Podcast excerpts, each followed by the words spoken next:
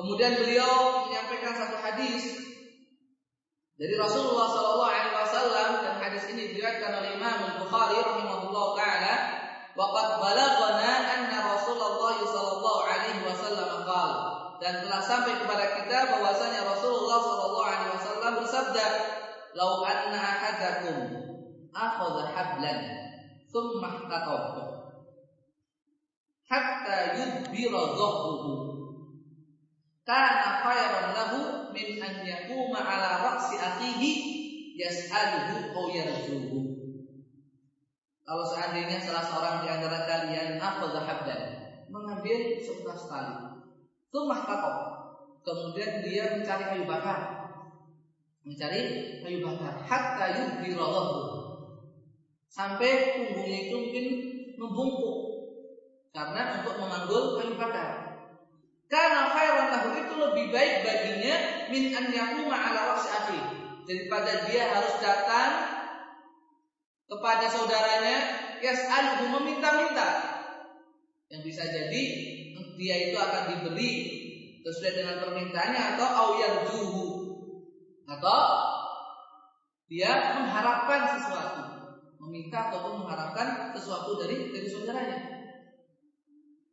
Wa balaghana Khattab dan telah sampai pula ucapan Umar bin Khattab radhiyallahu taala anhu kepada kita di mana beliau berkata, "Man amila minkum hamadna wa man lam ya'mal ittahamna." Siapa pun di antara kalian yang beramal, yang bekerja, kami akan menyanjungnya, kami akan menghargainya, kami akan memujinya. Tapi sebaliknya, wamal amal dan orang yang tidak mau beramal, ittahamna, kami akan suudol, kami akan memberikan tuduhan kepadanya. Kemudian beliau juga mengatakan, radhiyallahu ta'ala anhu ya ma'syarul qurra, wahai para qari, wahai para pembaca Al-Qur'an, irfa'u ru'usakum, tegakkanlah kepala-kepala kalian. Wala tazidul khusyu'a yang ada di dalam hati. Jadi jangan sampai kita itu tersikap pura-pura khusyuk dengan menundukkan kepala. Kita harus tegak mengangkat kepala kita. Kita harus terlihat orang yang tegar, tegak. Jangan pura-pura menundukkan kepala ke bawah dalam rangka agar biar dianggap sebagai orang yang khusyuk. Karena yang namanya khusyuk itu ada dalam hati kata beliau. Istabiqu fil khairat berlomba-lomba kalian untuk berbuat baik.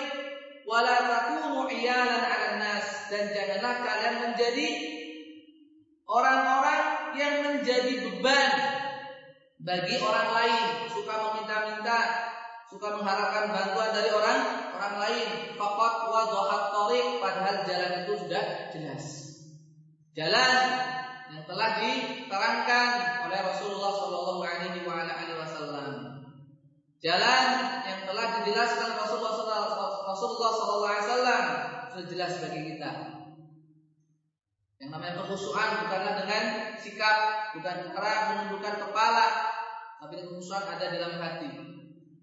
Kemudian Ali bin Abi Thalib radhiyallahu taala anhu juga mengatakan, wa qala Ali bin Abi Thalib, "Innal ladzi ya'ishu min aydin nas kalladzi yaghrisu shajaratan fi ardi ghairihi." Innal ladzi ya'ishu barang sesungguhnya orang yang hidup min aydin nas mengandalkan pemberian orang lain kalladzi yaghrisu shajaratan itu bagikan orang yang menanam pohon fi ardi ghairihi tapi di tanah milik orang lain. Oleh karena itu fattaqillah ya, ya akhi. Maka bertakwalah engkau kepada Allah wahai saudaraku. Fa innahu ma nala ahadun minan nasi syai'an illa sara haqiran dalilan 'inda nas.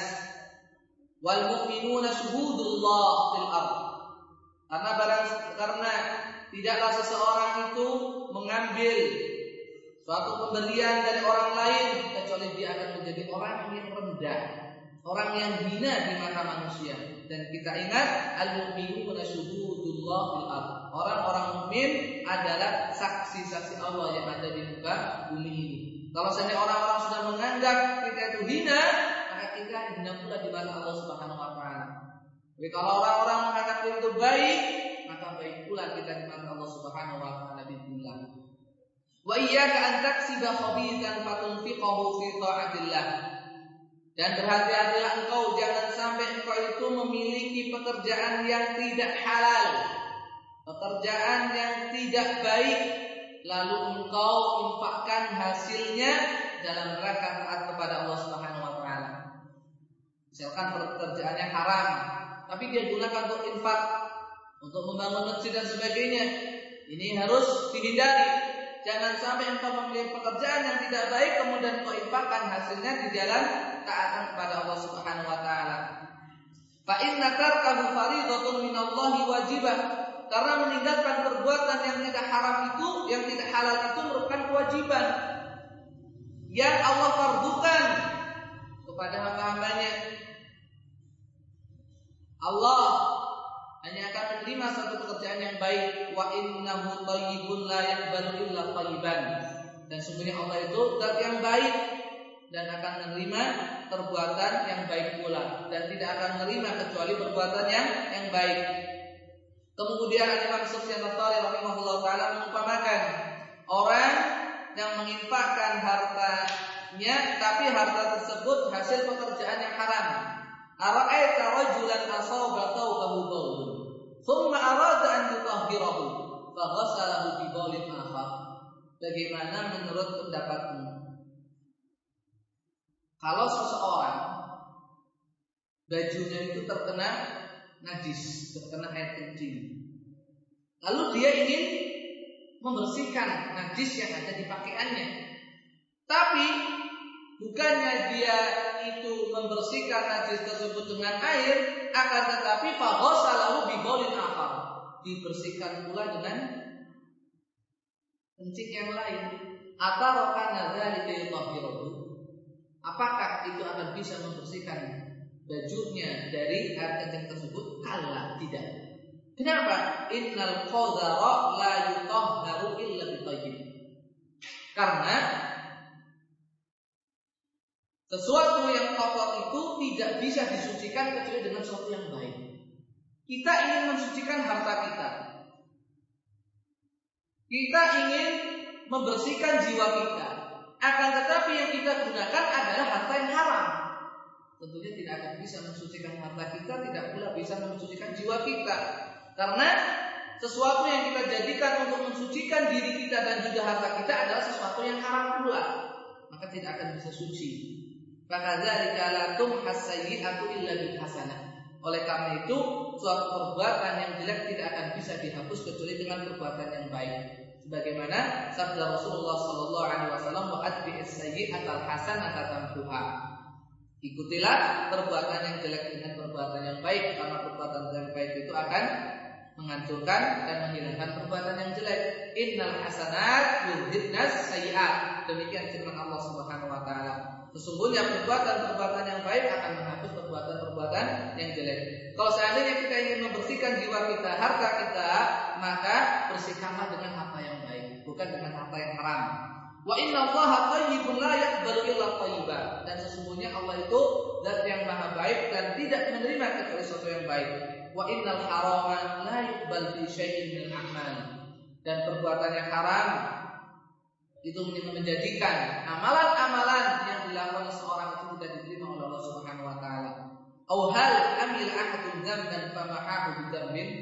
Akankah ada seorang di antara kita yang akan menghapus dosa dengan dosa yang lain? Tentunya tidak mungkin. Inilah beberapa poin penting dari wasiat yang diberikan oleh Imam Sufyan Ats-Tsauri rahimahullah taala kepada saudaranya kepada temannya Ali bin Hasan rahimahullah taala. Yang intinya ada tiga. Yang pertama adalah kita dianjurkan untuk memiliki pekerjaan secara mandiri, tidak menggantungkan pemberian orang lain, tidak menggantungkan dari bantuan-bantuan orang lain, apalagi dengan cara meminta-minta kepada orang lain.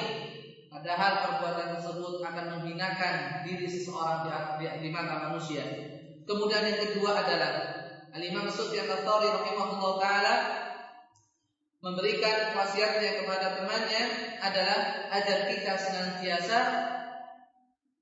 bekerja, berusaha dengan cara yang baik. Memiliki pekerjaan, pekerjaan yang betul-betul diridhoi oleh Allah Subhanahu wa taala dan diridhoi oleh Rasulullah sallallahu alaihi wasallam. Pekerjaan yang sesuai dengan syariat, bukan pekerjaan yang melanggar syariat, bukan pekerjaan yang haram yang dilarang oleh Islam, yang dilarang oleh Allah dan Rasulullah sallallahu alaihi wasallam.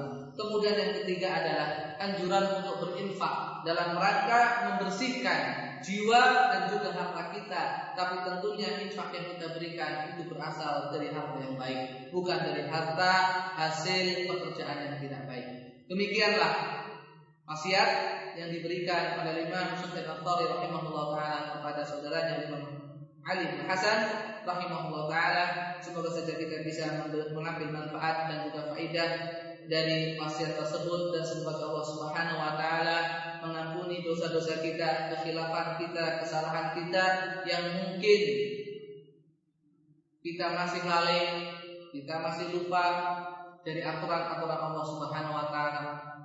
Dari syarat Allah Subhanahu wa taala dan semoga Allah Subhanahu wa taala senantiasa membimbing kita dan juga seluruh kaum muslimin untuk bisa menjalankan apa yang menjadi perintahnya dan meninggalkan apa yang menjadi larangannya dan semoga Allah Subhanahu wa taala mematikan kita menutup hari hidup kita dengan husnul khatimah.